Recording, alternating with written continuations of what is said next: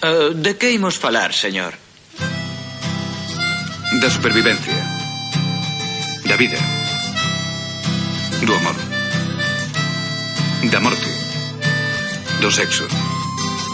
Do matrimonio. Da rebeldía.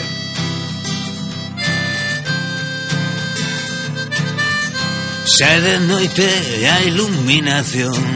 Da cidade está ben pros verdadeiros fans do sol Se fose listo sabería valorar que hai mellor lugar. Que as boleiras da área central Son consciente de que hai xente que non está moi ben Estamos xuntos na fin do mundo máis unha vez. E pensa, intensa, que podería ser a nosa festa Baby, come on. Guetos gélidos asumen a existencia como Celta en segunda división. Segunda división.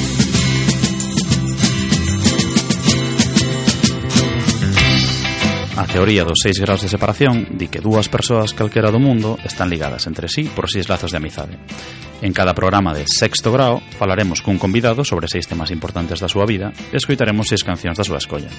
Ao remate, pediremos unha lista secreta de seis persoas coñecidas as que lle recomendaría vir ao programa. Ata que grao chegaremos? Que persoas coñeceremos? De que imos falar? Cando hai emoción E cando non deixa no estar As caixeiras deste centro comercial son mans Son consciente de que hai xente que non está moi ben Jonathan Barral na producción e na técnica. Isaac González na voz. Damos vos a benvida a Sexto Grau Un programa na sintonía de Radio Campus Culturae en formato podcast.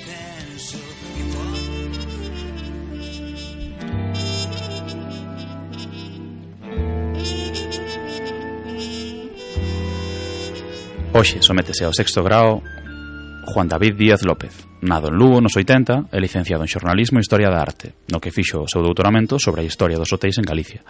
É profesor titor da UNED en Historia da Arte, forma parte do grupo de investigación da Universidade de Santiago, no que traballa sobre arquitecturas desaparecidas e participa en proxectos de rehabilitación histórica, con el faralemos hoxe neste programa.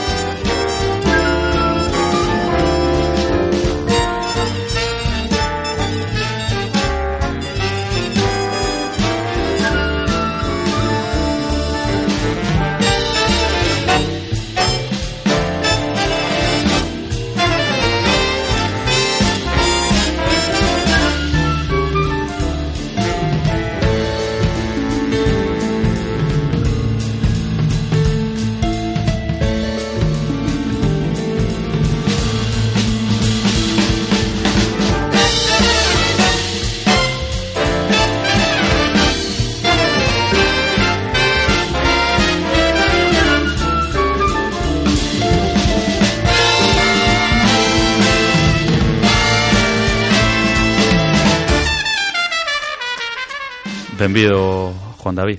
Hola, que tal? Moitas gracias por, por vir ao sexto grao eh, Como saben os ouvintes, se decimos na intro Hai seis cancións eh, E empezamos coa primeira, hasta que sonaba Preséntanosla, por favor, antes de comezar Bueno, pois, eh, escollín esta primeira canción Porque, eh, bueno, é un É o tema da intro da serie Mad Men Unha variación sobre o tema habitual da intro E eh, que se aparece no, no álbum Mad Men After Hours. E, e bueno, interesábame mm, un pouco como punto de partida para falar do mundo urbano eh, dun tema que mencionaches antes de pasada que é o tema da miña tese unha tese que fixen sobre os, a historia dos hotéis en, nas cidades galegas. Entón quería conectar un pouquiño con ese mundo urbano falando de, de Mad Men ese mundo urbano que se presenta como un mundo ambicioso sofisticado, pero tamén degenerado e corrupto ao mesmo tempo. É un mundo que está en xeral vinculado co éxito da burguesía e que a pequena escala tamén é o que puiden apreciar ao longo do, do traballo. Porque marcanos históricamente, que creo que son importantes as datas, eh, que ti estudaches na parte dos hotéis e, e claro, saltaches directamente dos hotéis a, ao mundo urbán, non? Que sí. tamén aí hai como unha especie de, de conexión con, con outros dos temas tamén que eu creo que son moi da historia persoal de case todos nós eh, ou da historia familiar, mellor dito, que é o tránsito cidade, perdón, eh, campo ah, cidade, non? Absolutamente. Eh, de primeiras, eh, centrei menos hotéis de cidade mm, porque é verdade que temos uns hotéis de balneario históricamente moi importantes, en Mondariz, na Toxa, e que tamén pertencen ao sistema urbano, por suposto, pero son, mm, digamos, elementos terminais dese sistema urbano. Eh, eh, o que me interesaba prioritariamente, onde centrei o tema da tese foi eh, nas sete principais cidades galegas da época contemporánea, non? É dicir, eh, Ferrol, A Coruña, Santiago, Pontevedra, Vigo, eh, Lugo e Ourense. Esas son as sete cidades nas que, nas que me centro. E, e bueno, de alguna forma eh, é un tema que tamén sabía moi ben que iba a eh, conectar moi ben cos intereses do meu titor porque é unha persoa que además de ser especialista nestes temas é un apaixonado, é un namorado do tema da historia do urbanismo. Eh, penso que se nos deu ben eh, sacar este tema adiante. Por que os hotéis? Pois os hotéis un pouco porque representan todo isto da transición á modernidade. É un espazo que sintetiza moi ben e que simboliza moi ben un icono da, da época contemporánea eh, que, que recolle eh, todas as novas tendencias, os novos hábitos, os novos estándares de vida que tamén, aínda que mm, cun ritmo demorado ou, ou, ou dun xeito máis eh, tenue, non? Pois tamén chegan ás nosas cidades. Eh, cal foi, bueno, esta é unha pregunta un pouco de xornalismo que a mí non me compete moito porque non o son, eh, pero pero sí que creo que pode axudar para para que nos digas cal é o primeiro hotel ou un dos primeiros e cando foi ese hotel e un pouco contarnos esa pequena historia, non? Donde comeza o teu estudo, mellor que o sabía antes, sí. quizáis. Bueno, hai dous fitos mm, moi importantes eh, dos que, que, ma que marcan do, dous momentos cronolóxicos um, dentro do, do, desenvolvemento da tese. Eh, un coincide con punto de partida cronolóxico que va no 1779, no que aparece documentado un hotel, entre comillas, na Coruña, que se chama Hotel do Grande Admiral, eh, non é un hotel como tal a moderna, é unha especie de fonda ou albergue, mm, certamente un pouco petulante, non, eh, composo con ese nome, pero pero non vai máis aló do nome, non? Uh -huh.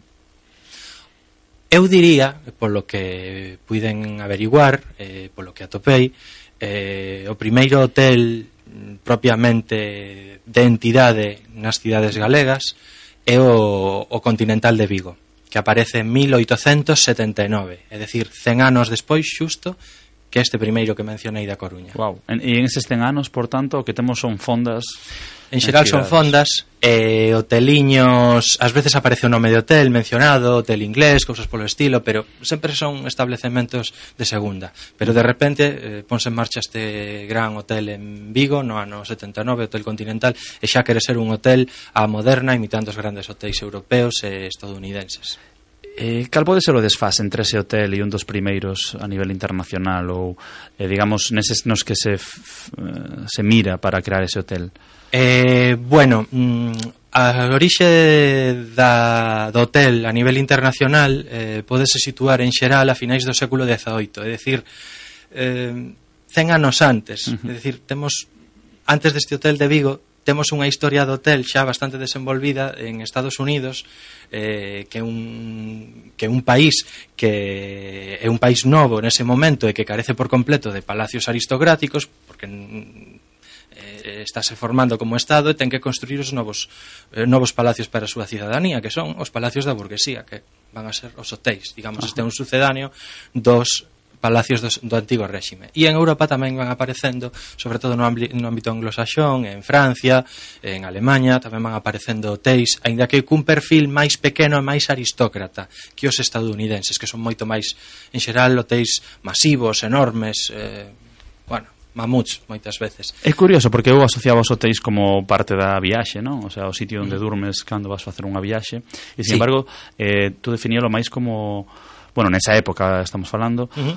como unha especie de mm, espazo para a burguesía de sí. disfrute, casi máis que... Ademais de ser lugares que dan aloxamentos transeúntes, uh -huh. son lugares de encontro social mesmo para a burguesía local porque eh, é frecuente que neles se habiliten grandes espazos colectivos, salóns, eh, espazos de baile, eh, cafeterías, posteriormente xa e outro tipo de, bueno, bibliotecas, salas de lectura, locutorios, que serven pois para eso, para, para interactuar cos cos amigos para ver e ser visto, é dicir, é un lugar de exhibición, en certo modo, como tamén pode ser o teatro, non? Eh, Ou o casino se me ven a mente, non sei que casinos. relación pode ter, non? Porque sí. en moitos espazos a mí sorprendíame que o casino non fora un sitio de xogo, eh, O casino non só, nace como iso, como un lugar de encontro social da, da alta sociedade. E despois é cando adquire o perfil de lugar de xogo. Ah. Pero en principio os, os proxectos de casino, pero, bueno, eh, pro, un proxecto, por exemplo, para a Coruña, dun gran casino hotel, é un hotel que combina un hotel cun casino, mm. eh, dos anos 20, do século 20, eh, este casino non é un lugar de xogo, é un, un espazo para un encontro social e que dispón tamén dun teatro e bueno, outras instalacións. E seguindo coa pregunta xornalística, se si falábamos do primeiro, do primeiro así como de mentira e do primeiro de verdade, cal é o último, non o último hotel, sino o último que ti estudaches ou can, cando se pecha a tua investigación e por qué? Bueno, os últimos hotéis que, que eu estudei e que son considerables, mm, decir, a, eu cheguei ata os anos eh, ata o ano 1948. Uh -huh. Eh, é dicir, a primeira posguerra. Durante a posguerra, eh, o único espazo relevante en Galicia a nivel de desenvolvemento hotelero é a, a Coruña, porque é onde vai veranear eh, o ditador, non? E polo tanto, ali desenvolvese unha certa infraestructura eh, turística que lle dá bastante pulo á cidade, a pesar de todo, a pesar de que vivimos nunha época bastante escura e bastante precariedade. E, entón é o momento en que aparece na Coruña o Finisterre, que aínda sigue funcionando, e o Embajador, Ajá. que é o actual edificio da Deputación, pola parte de atrás está o Teatro Colón. Ajá. Eh, bueno, a verdade que é super interesante porque, bueno, cada vez que eh, pasa moito cando, cando falo con persoas, non, de destos de temas, uh -huh non só falamos do Teis, falamos dunha época histórica, falamos de unha sociedade, uh -huh. falamos de, de costumes. Entón, bueno, isto sempre nos leva a, a, a a ver moitas partes eh, eh, interesantes, non? Uh -huh. e, e, bueno, eu non sei si queda así algo que poidamos eh, destacar da túa tese, si está disponible para, para lectura, sí. e un pouco tamén a, a túa experiencia post-tese, non? Que é algo que eu creo que os que coñecemos a xente que fixo teses, bueno, é un pouco traumático o parto da tese, e entonces como se vive postes? Eh, sí, a verdade é que sacar adiante a tese é unha tolería Pero bueno, eh, deixando a parte ese, ese tema E unha vez xa superado o tema da defensa Bueno, foi o ano pasado e xa cando me doutorei Pois o que estou facendo agora bueno, ademais das outras uh, cuestións que ti mencionaches, estou preparando unha edición simplificada e divulgativa da, da tese que espero que saia a luz proxim, próximamente. E aparte tamén vai haber un, un libriño máis pequeno especificamente dedicado aos hotéis de Santiago. Ajá, moi interesante. Ese si está preparado xa e espero que eh, non tarde moito en, en sair adiante. A ver. Bueno, pois pues, eh, desexando tamén eh, ler esas publicacións eh, teño que decir, así, a, a, gustame moito contar as internas do programa, verdade? Eh, eh, o dos seis temas moitas veces como unha excusa para que nos quedara ben, non? 60 minutos, seis temas, seis cancións, seis persoas, tal. Eh, pero Juan foi eh, sumamente eficiente e ten os seis temas perfectamente eh, colocados, os seis convidados, os, os seis temas e o, e o tema que, que propoñía como número dous, que a mes me interesa moito, pola túa parte biográfica, polo estudo dos hotéis e porque é un dos temas, eu creo que recurrentes eh, de conversa máis ou menos directa é, pois, eh, o que ti dis como o campo, o contraste entre a realidade e a idealización uh -huh. e a túa experiencia persoal, que ti eres unha persoa que, que nace en Lugo, como dicíamos na biografía, pero que estás en proceso de, de, de trasladarte á zona rural. Estás facendo o camiño inverso que se fixo na historia da maioría das familias galegas. Sí, eh, eu sei que, bueno, que neste programa moitos deles falades eh, repetidamente do, do, do tema rural, eh, das problemáticas do rural. Eu tamén teño a miña historia con isto unha historia un pouco rara, como xa apuntas un pouco, que é unha historia casi inversa, Pero bueno, a ver, eh, como decías, eu nacín en Lugo, vivín moitos anos en Santiago, mm, ahora traballo a tempo parcial na Coruña, eh, pero mm, paso moitísimo tempo eh, bueno, na, na aldea de, da miña familia, que é un, un lugar que para min é moi especial, porque durante moitos anos quedou abandonado, pero recentemente pois a miña familia tivo a oportunidade de recuperalo e eh, puxémonos a restauralo, a arranxalo.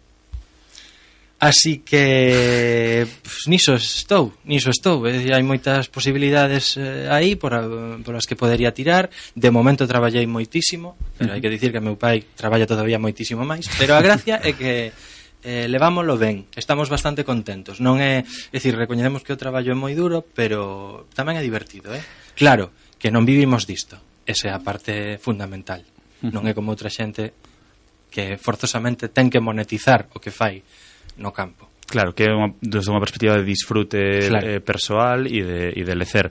Claro. Eh, e, e falabas un pouco entre o contraste entre a realidade e a idealización. E sí que me gustaría que afondaras un pouquiño entre... Sí moitas desas imaxes que temos idílicas da, do rural, desa cousa eh, así como perfecta do bosque animado e, e, e maravillosa e unha realidade que que, bueno, que ás veces é dura, pero que ás veces é tamén maravillosa e que ten un pouco moitas máis aristas e, e matices dos que a veces Pois isto vemos. ten que ver un pouco coa miña coa forma en que comecei a conectar eh, a vivir o rural dende pequeno. Eu non nacín no rural, non son criado na aldea, nin traballei na aldea de pequeno, pero sí pasaba moito tempo ali, porque a miña avoa aínda vivía ali, eh, e eu eh, iba cos meus pais frecuentemente de visita, máis en plan turista, podemos dicir, porque non ia facer nada, iban a máis que a pasmar e a pasalo ben. Pero tamén me enamorei do sitio, de alguna forma, non? E eh, engancheime a el. Así que mm, deume pena durante un tempo mm, pois eh, despegarme dese sitio e que tantos anos despois volver a él para min pois foi unha, unha ilusión. O sea, os pais puderon mercar esta casa que estaba xa casi en ruínas e eh, agora estou pero a, a, a saco con isto. Eh, entón, dese contacto pois, tan xencial de neno eh, foi como unha semente para o, para o futuro e, eh, e apareceme pois, pois esta posibilidade de restaurar e de e invertir eh, in, eh, involucrarme emocionalmente en, en algo que a mí me bueno, pois que me, me, me, me aporta moito porque ademais conecta con todas as miñas inquedanzas relacionadas co urbanismo, coa arquitectura, coa paisaxe, coa historia da paisaxe. Hai que ten en conta, bueno, esta é unha casa, como diría un amigo meu, é unha casa ancestral e telúrica.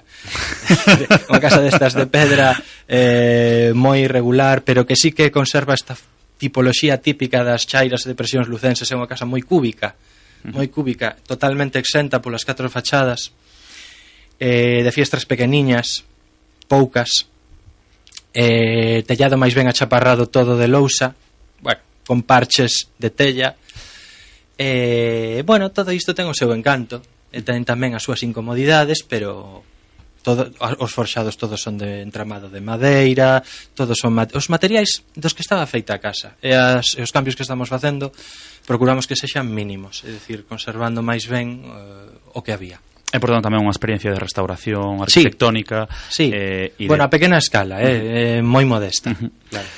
Vamos entón a escoitar un poquinho máis de, de música, que a máis seguro uh -huh. que ten que ver con isto que estamos falando. Se si nos podes introducir eh, o tema, eh, porque, bueno, sí. ten unha peculiaridade que, que... É un tema que curioso, un tema sen letra, como o anterior, pero este aínda máis eh, raro. eh, bueno, é música ambiental, realmente debería que calificalo así. Eh, é, forma parte da banda sonora dun videoxogo. O videoxogo é Minecraft, xogo bastante coñecido hoxe en día. Eh, eh, e que conecta tamén moito con esa experiencia esa experiencia miña e a forma en que xogo os, os, os videoxogos. Eh, moitas veces buscando esa experiencia dun campo solitario agreste, primitivo no que podes construir un cousas. carácter de refuxo como de paz e illamento podes construir cousas o que che pete. Logo falaremos diso, isto hai que poñerlle matices lógicamente eh, porque hai que falar tamén do problema do abandono e da decadencia pola que está atravesando o rural. Isto é outra cuestión, forma parte xa da dimensión social, hai que ter, tela en conta. Pero bueno, o que imos escoitar titúlase Floating Trees, o sea, árbores flotantes, que dun rapaz que se chama Daniel Rosel, Rosenfeld, coñecido como C418, é así como asina os seus traballos, e como vos digo, pois pertence ao, ao álbum de Minecraft volume beta.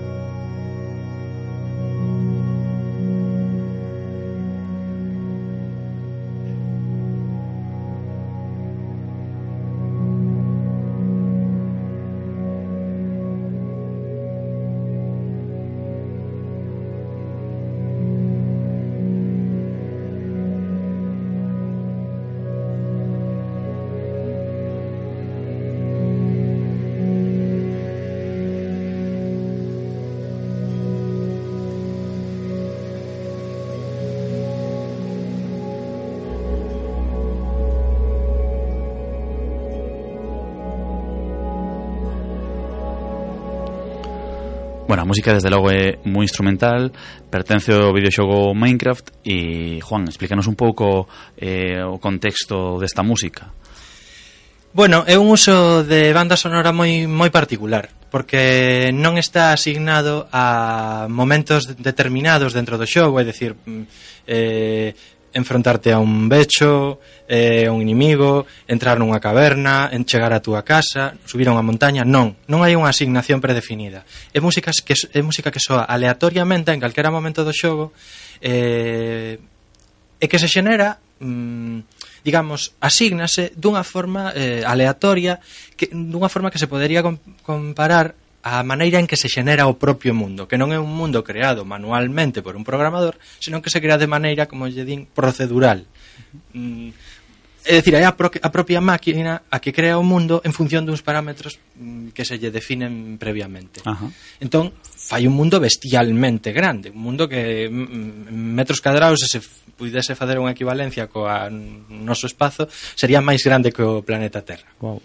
Unha bestialidade de mundo. Bueno, pois... Eh, eh, esta música funciona un pouco así. E o propio xogador dalle sentido atopa os sentidos de algunha forma eh, conectando co que nun momento determinado estea facendo construindo algo, cazando algo pescando eh, investigando unha gruta eu que sei bueno, moi interesante a relación entre a música eh, a construcción eh, e a paisaxe, que é o seguinte tema eh, que, que vamos a abordar, non? A sí. paisaxe, en concreto a galega, a protección patrimonial, que tamén ten que ver moito coa parte arquitectónica, porque eh, o teu estudo tamén, eh, desde un punto de vista histórico, ten que ver coas cousas que se protexeron e as que non, uh -huh. eh, coas, uh, coas maguas e, coa, e cos acertos, e entón a nivel de, de, de paisaxe, e vindo tamén do tema anterior, pois a túa relación co rural, coa casa que estás a, a restaurar. Eh, un pouco como tú ves a, a preservación da paisaxe que en Galicia é outro dos grandes temas? Bueno, pois eu vexo da seguinte maneira eh, Xa que partimos de Minecraft Creo que ven como exemplo o pelo eh, O concepto en Minecraft é o menos axeitado Para a organización do territorio, obviamente eh, O territorio non é un lugar No que eh, se poda construir o, o, o noso antollo a partir dunha iniciativa individual. Uh -huh o sea, podese facer. Eso que pode chamas facer. o modelo Minecraft, non? Decir, hai xente por aí facendo cousas hai que, que lle dá. Decir, hai xente que defendería un ultraliberalismo a nivel de territorio, é dicir, pois mm, Bueno, pois facemos un reñaceos, en riba poñemos unha guardería, despois en riba poñemos un, un parque botánico, despois en riba poñemos... É dicir, o que vaias saindo. O que vaias saindo. Pero despois hai outra outra concepción eh, planificadora do territorio uh -huh. eh, bastante europea, poderíamos dicir que é bastante mm, intervencionista, uh -huh. non? E en xeral eh, este é o modelo no que estamos e o que e o que explica que o tratamento que se lle dá a nosa paisaxe no papel, non? Uh -huh. A paisaxe é unha obra colectiva cunha bagaxe histórica eh, que estamos de acordo en xeral eh, en protexer, que temos legislación, eh, legislación para protexela, é que, bueno, outra cousa é que despois non se faga, non se poñan medios, non se poñan recursos, pero en principio temos legislación para protexela, estamos de acordo en que eh, é un valor, non? Pero mm, pero, hai pero claro, esta, esta parte eh, da, da, da, da dimensión colectiva conecta ao mesmo tempo con, con eses eh, cos vitos románticos dunha paisaxe esencial que se vincula ao povo e que en principio eh, se concibe como unha obra pechada Que cal é o problema de concibir a paisaxe como unha obra pechada? Que iso dificulta o progreso, dificulta a tecnificación que moitas veces é necesaria para para facer productivo o campo, non? Uh -huh. eh, entonces dificulta as transformacións problema, o dilema é como se poden armonizar todas esas cousas si é que lles damos valor, claro, porque decir, mm, hai que recoñecer que valorar a paisaxe é unha mera convención humana, se nos poñemos todos de acordo en que non importa nada, eh, vale máis explanar e eh, formigonar todo, pois de acordo, está ben, Pero en principio, hasta este punto, creo que hai un acordo bastante grande en que o que temos paga a pena conservalo, non? A sensación que eu teño, e ahora me diste pois, pues, que hai de certo, eh, si digamos nas túas investigacións sobre, sobre a paisaxe e nas túas colaboracións, porque tamén as tesis falaremos uh -huh. eh, un poquinho delas neste, neste punto, é... Eh, eh, temos un sistema moi intervencionista para facer unha conservación da paisaxe e, sin embargo, temos un desastre de proporcións xigantescas gigantescas non? Uh -huh. E só hai que ir a Asturias nunha fin de semana para facer unha comparativa rápida uh -huh. eh, ou facer o camiño de Santiago a pé que xa mellorou moito pero aínda así eh, bueno, pues, pues, bueno, pues o que todos coñecemos non eh, eh, o que se deu en chamar feísmo que tamén é algo que eu creo que pode dar para falar moito, moito. pero quero decir hai eh, un contraste entre moita intervención, moitas dificultades para facer aquel tipo de construción no rural que dificultan negocios, que dificultan eh, o progreso, como comentabas ti antes, pero a vez un desastre pos eh, planificación, non? Entonces parece uh -huh. que temos un pouco o peor dos, dos dous mundos, non? O mellor é moi catastrofista, non?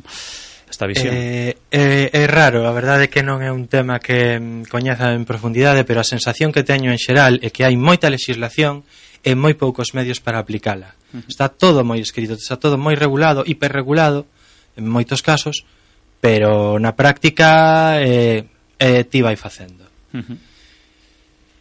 Eh, e é certo que se que cambiaron cousas últimamente, porque nos últimos 20 anos eh, obrigouse a todos os concellos a ter un plan xeral de ordenación municipal eh, para poder eh, designar zonas eh, urbanizables, etcétera pero mm, pero en xeral isto redundou ao fin e ao cabo nunha parálise total porque tamén hai moitos concellos que seguen sen, sen plan xeral e que están paralizados. O sea, que nin vamos para diante nin para atrás.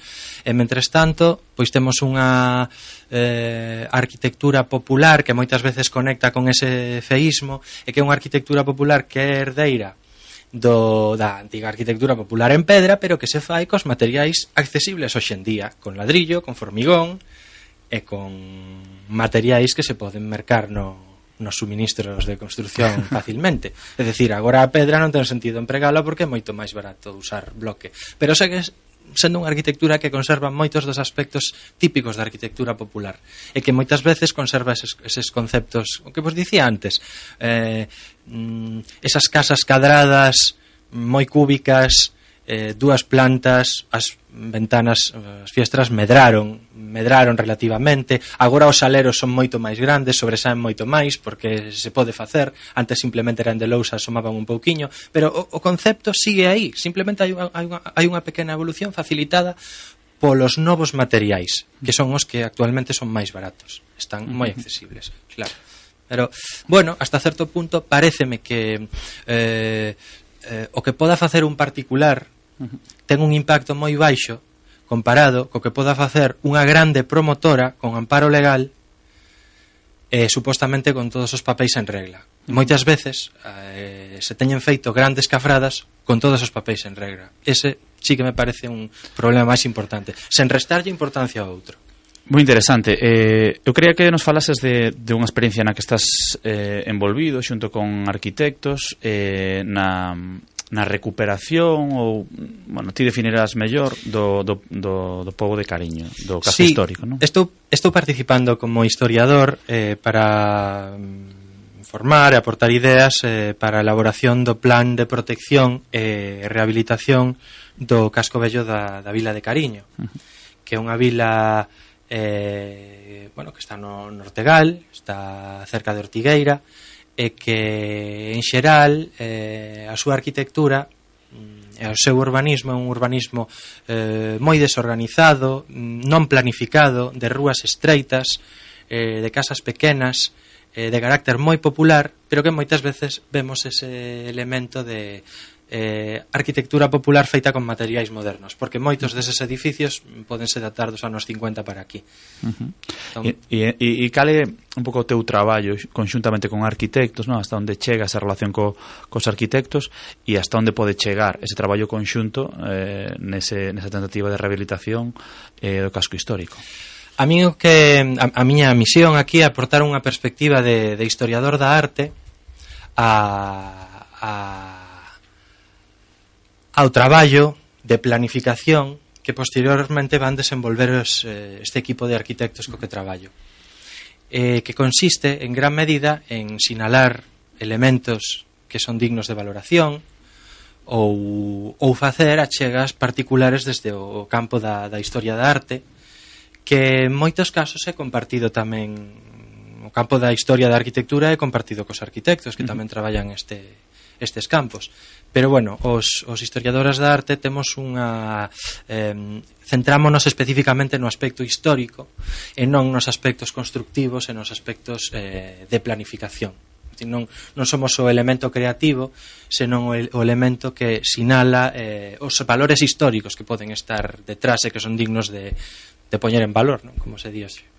E cal pensas que vai ser o antes e o despois? Esas dúas fotos que teredes antes de chegar vos e despois de, de irvos. Cal pensas que vai ser o impacto real deste tipo de proxectos? O fundamental deste tipo de proxectos é facer que as vilas que están quedando eh, obsoletas, uh -huh. que non son atractivas para, sempre, para xente para vivir, porque non teñen acceso cómodo, porque non se pode entrar co coche, porque non tes onde aparcar co, ou non tes praza de garaxe, porque bueno, mil razóns. Pois que volvan ser atractivas Eh, este é un, un traballo complicado que se ten que ver a medio e longo prazo e que depende logo dos recursos que se vayan poñendo mm, a partir das, das pautas eh, que, lle, que, lle, que lle vai a propoñer o equipo co que traballo non?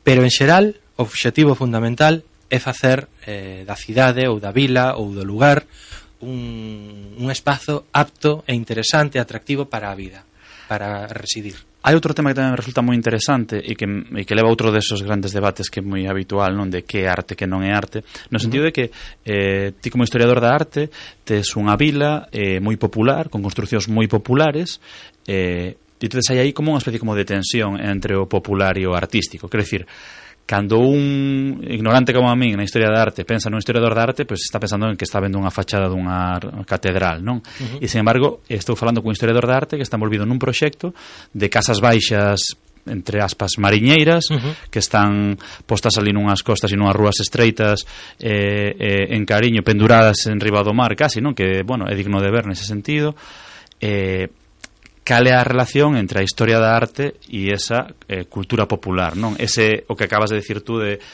que vale eh, ou que podemos eh, recuperar do popular.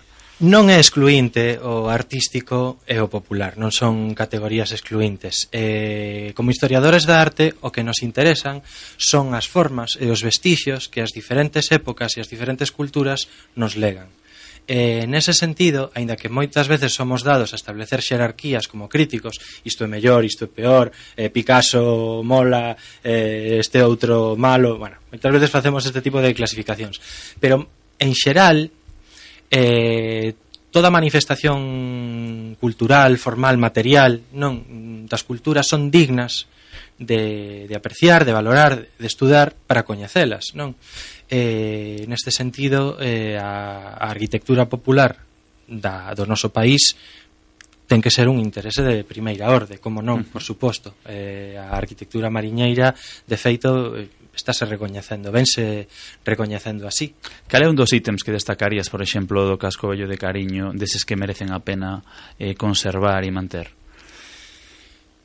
Bueno, eh, en xeral, eh, a min o que, o que máis me chama a atención é unha categoría un pouco mm, anticuada, quizáis, pero eu moitas veces tamén participo destas visións anticuadas. Eh, o elemento pintoresco, que é un, un elemento, por certo, unha palabra cun sentido positivo originalmente moi forte, como explicaba Julio Anguita unha vez por aí atrás a conta dun, dun uso da palabra pintoresco negativo bueno, A palabra pintoresco eh, fai referencia a aquelo que é digno de ser pintado, non? Ajá. Eh, aquelo que eh, posúe un, unha beleza que está marcada pola irregularidade, pola por unha certa amorfidade moitas veces, uh -huh. pola diversidade, a dispersión eh, e moitas veces a non planificación. Asociase moitas veces cos, cos xardíns eh, coa xardinería inglesa, que é unha xardinería moi de poñemos as árbores que parezan situadas como se naceran aí. Ajá. A diferencia da francesa, que é moito de facer cadradiños, uh -huh. eh, xeometrías, bueno, pois Isto é un pouco a, o aspecto que un dos aspectos que me chama a atención da arquitectura popular e que e que valora esa resistencia á liña recta, a esas plantacións de piñeiros e de eucaliptos con escadra e cartabón que son empalagosísimas, non? Pois, eh, eh, este, este ver as casas eh, dispersas eh, eh, que florecen casi orgánicamente uh -huh. ten un encanto e recoñezo que nese encanto hai un gran problema, que é o problema de, de pois iso, un problema de habitabilidade cos estándares modernos. Pensamos no tema dos coches, porque claro, o coche particular hoxe en día ten unha importancia tan central nas vidas que unha vila con eh, rúas estreitas pois pode non ser funcional. Super interesante, vamos a reflexionar un poquinho con isto, con música. Eh, preséntanos o seguinte tema, eh, Juan, por favor. Pois a canción que a música que seleccionei é o Moldava de Desmetana, unha, bueno, unha, un poema sinfónico eh, clásico que ten a característica de ser, bueno, como a música programática está moi eh, apoiada nun texto de fondo, nun texto literario, non nunha descripción.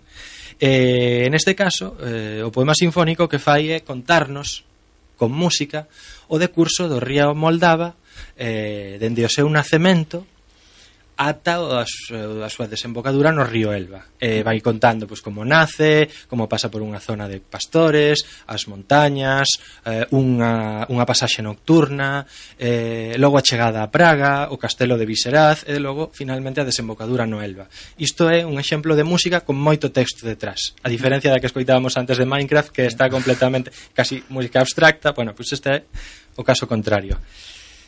Escoitámola xa. Escoitámola.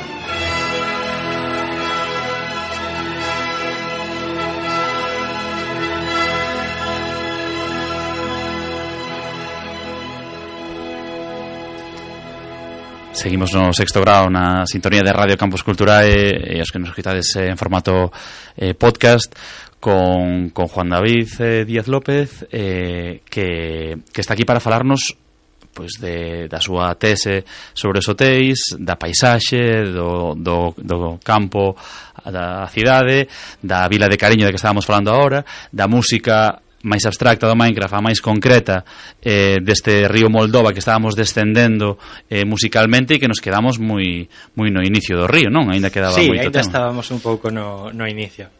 Eh, pois un pouco mm, tirando a partir do desta peza que que é unha música claramente que recolle un pouco esa visión da paisaxe como un icono nacionalista eh, conectado a unha serie de esencias nacionais pois gustaríame seguir falando mm, ir un poquinho máis alá e falar eh, de máis paisaxismo falar de máis paisaxismo romántico eh, falar de pintores por exemplo agora uh -huh. Eh, quería introducir pois, o concepto da, da, da estética do sublime que lle chaman e que está moi presente en autores como Caspar David Friedrich, o alemán, principios do século XIX, eh, tamén coetáneo, eh, Turner, inglés.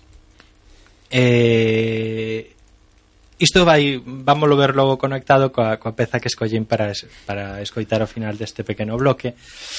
E, e bueno, esta estética do sublime mm, lévanos, eu penso mm, pase niño dende este século XIX eh, ata a polo camiño da, da abstracción, non? O que chegamos a principios do século XX.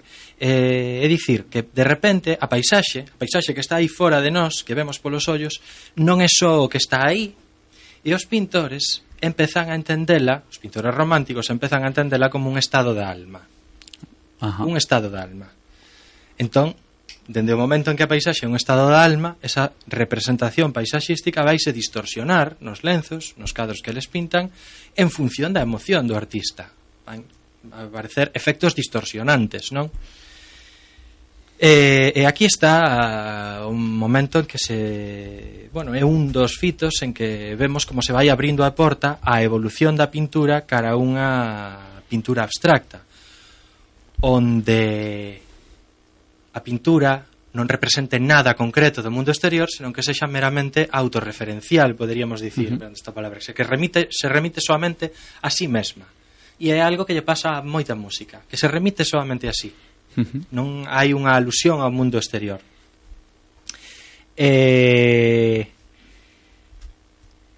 bueno, mm, é unha categoría estética a do, a do sublime, que nestes casos mm, conecta con conecta en xeral coa, co concepto de grandeza defínese no século XVIII como como normalmente como a contemplación dunha natureza que é tan inmensa e tan vasta que apagulla o, o, o, o uh -huh. bueno, a quen a, quen a contempla. Eh, casi lle provoca sensacións de medo e de, de ser anulado polo, pola inmensidade do mundo, non? Vese convertido pois, nunha formiguiña. Eh, bueno, de aquí xa collo eu o toro polos cornos e xa casi me estou facendo a presentación da dalle, dalle. da da peza que escollín. Bueno, a peza que escollín eh está sacada da película Interstellar. Uh -huh. Eh está composta por Hans Zimmer. Eh titulas en montañas, Mountains, uh -huh. eh título, bueno, original en inglés, e fai referencia a cando os, os eh, protagonistas da historia eh desembarcan na súa, chegan en nave espacial a un planeta novo presumiblemente capaz de, de albergar vida pero que non coñecen aínda é un, mm, un planeta que está moi preto dun buraco negro que xenera unha forza gravitatoria moi forte.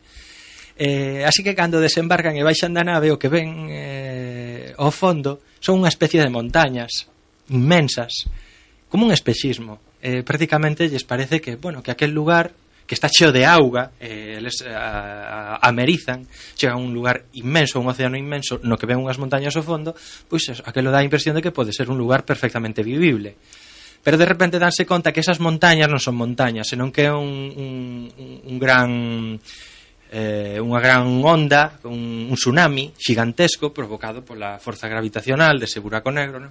e teñen que evacuar do planeta a toda leche.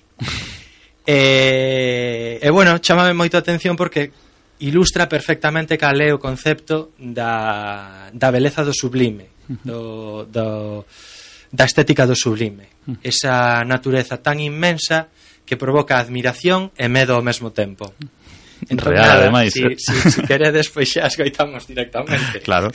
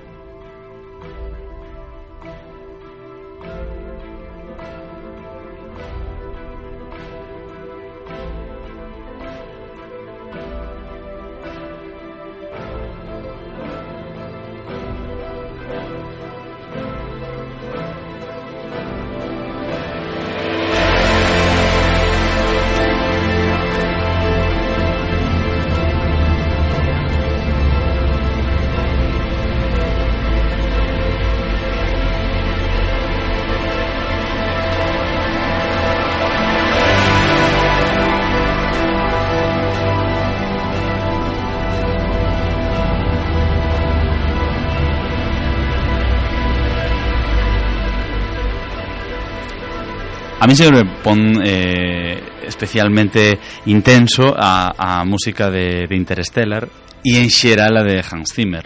E estábamos falando fora de micro un pouco de, dos gustos musicais eh, de Juan, que eu creo que conectan moito coa, cos teus ámbitos de, de estudo, non? E, e estabas un pouco tratando de facer ese paralelismo entre eh, música con texto, que fai referencia ao concreto, a música sin texto, a, as formas, o disfrute das formas ou as formas como utilidade. En, en parte, sí, teño uns, uns gustos musicais un tanto raros, uns gustos musicais que ademais me manteñen un pouco descolgado da miña xeración, porque son gustos musicais musicais un pouco raretes. Eh, en xeral, eh, centrome moito en música instrumental ah. e eso ten que ver un pouco con que casualidade non é tampouco non hai unha reflexión tampouco estética sobre isto, uh -huh. pero eh, por circunstancias sempre mm, fuxín un pouco da música con letra, con texto, uh -huh. con significados pechados. Uh -huh. Ainda que é verdade que a poesía ten pode ter múltiples significados, a poesía textual, lógicamente, uh -huh. eh, non pecha o significado que, empregue, que empreguemos a linguaxe, pero eh, a música pura, a música, como lle chaman tamén a, a, a, a música absoluta, que non ten referentes eh, no mundo aí fora, non ten referentes literarios, lingüísticos, non? A priori, non. Mm, sempre vai haber algún, porque é difícil no xénero humano desligarse do peso da linguaxe, que sempre está aí. Pero, eh, a priori, atráeme especialmente, non? Uh -huh. É unha especie de mm, poder desfrutar das formas por sí mesmas, das formas da natureza por sí mesmas, con independencia de se este grilo é da especie tal ou da especie cual. Unha admiración mm, das árbores, dos obxectos, das montañas, eh, pola polo aspecto meramente formal, das cromático, quizáis. por exemplo, tamén, é desposuído do elemento incluso funcional, non? Uh -huh. E eh, isto podes levar moi facilmente pois ao terreo musical, porque a música por definición é, é un arte pois, dun, peso de abstracción moi grande, non? E como xamos, eh, como sempre, moi mal de tempo, eh, cal era a música para ilustrar un pouco esta idea que traías? Bueno, eh, como exemplo de música absoluta, traía a variación Goldberg número 28 de, de Bach, que esta que escoitamos é unha música que dende logo eh, pode ser interpretada particularmente subjetivamente por cada un de nós como que iramos, podenos suscitar infinidade de emocións, impresións, lembranzas, o que sexa. Pero iso non está escrito na música, iso non está detrás da música. Eh, non hai un texto no que se apoie, a diferencia do que escoitábamos antes de Smetana. O sea, o Moldava sí que ten un texto detrás, clarísimo, contundente. Poderás pretender interpretar outra cousa, pero hai un programa pechado. Isto non ten esa clase de programa. Imos desfrutar un anaquiño de Bach e voltamos xa a xiña nos estouro.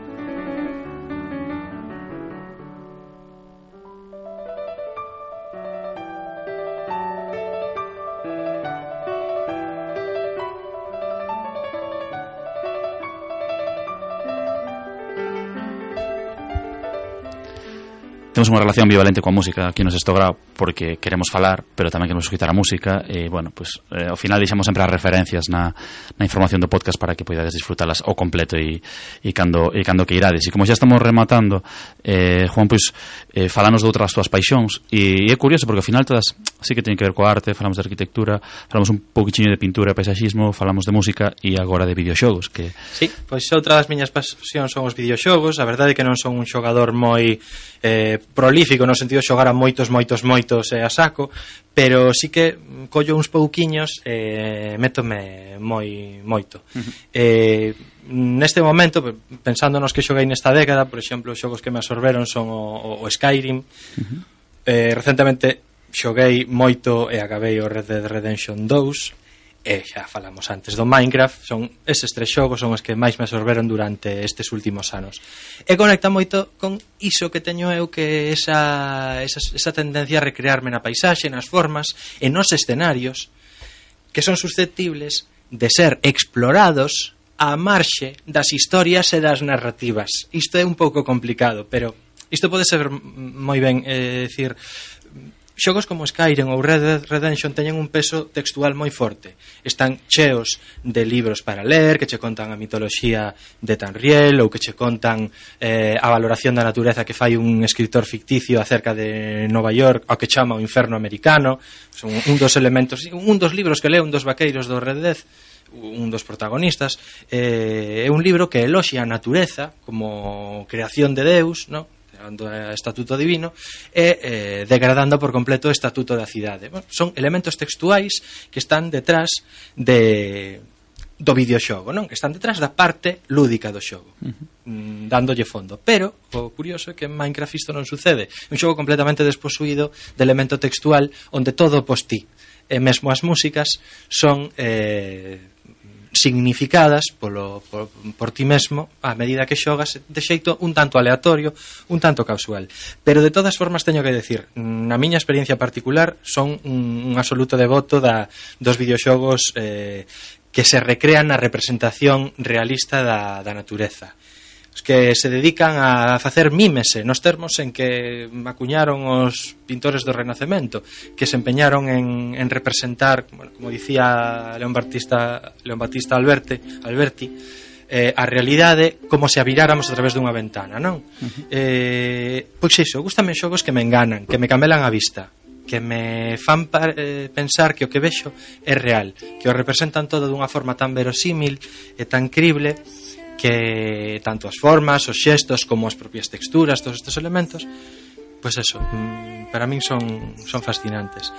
E, e para pechar este asunto, este comentario, vénseme a cabeza a esta canción que escoitamos, que é unha canción da película da banda sonora de Her, eh, onde o protagonista se enamora perdidamente mm, dun programa de ordenador dun Siri, que adquire non? que adquire unha apariencia absolutamente humana pero solamente mediante a voz. E cantalle esta canción no momento da película. Juan, moitísimas gracias por vir ao, sexto grau eh, Tratamos de levar temas que, que, que son complicados de, de, de transmitir Esperemos que os que chegastes hasta aquí eh, Vos gustase un pouco como, como os tratamos Tratando de levar eh, pois a historia da arte a, a un pouco común e, e facendo pois, con tanta precisión como, como ti nos traxes aquí de verdade que moitísimas grazas. Grazas a vos. E a todos vos. Esperamos vos no sexto grau con convidados como vedes do máis variado cada vez que abrimos estos micros da Radio Campus Culturae do sexto grau gracias.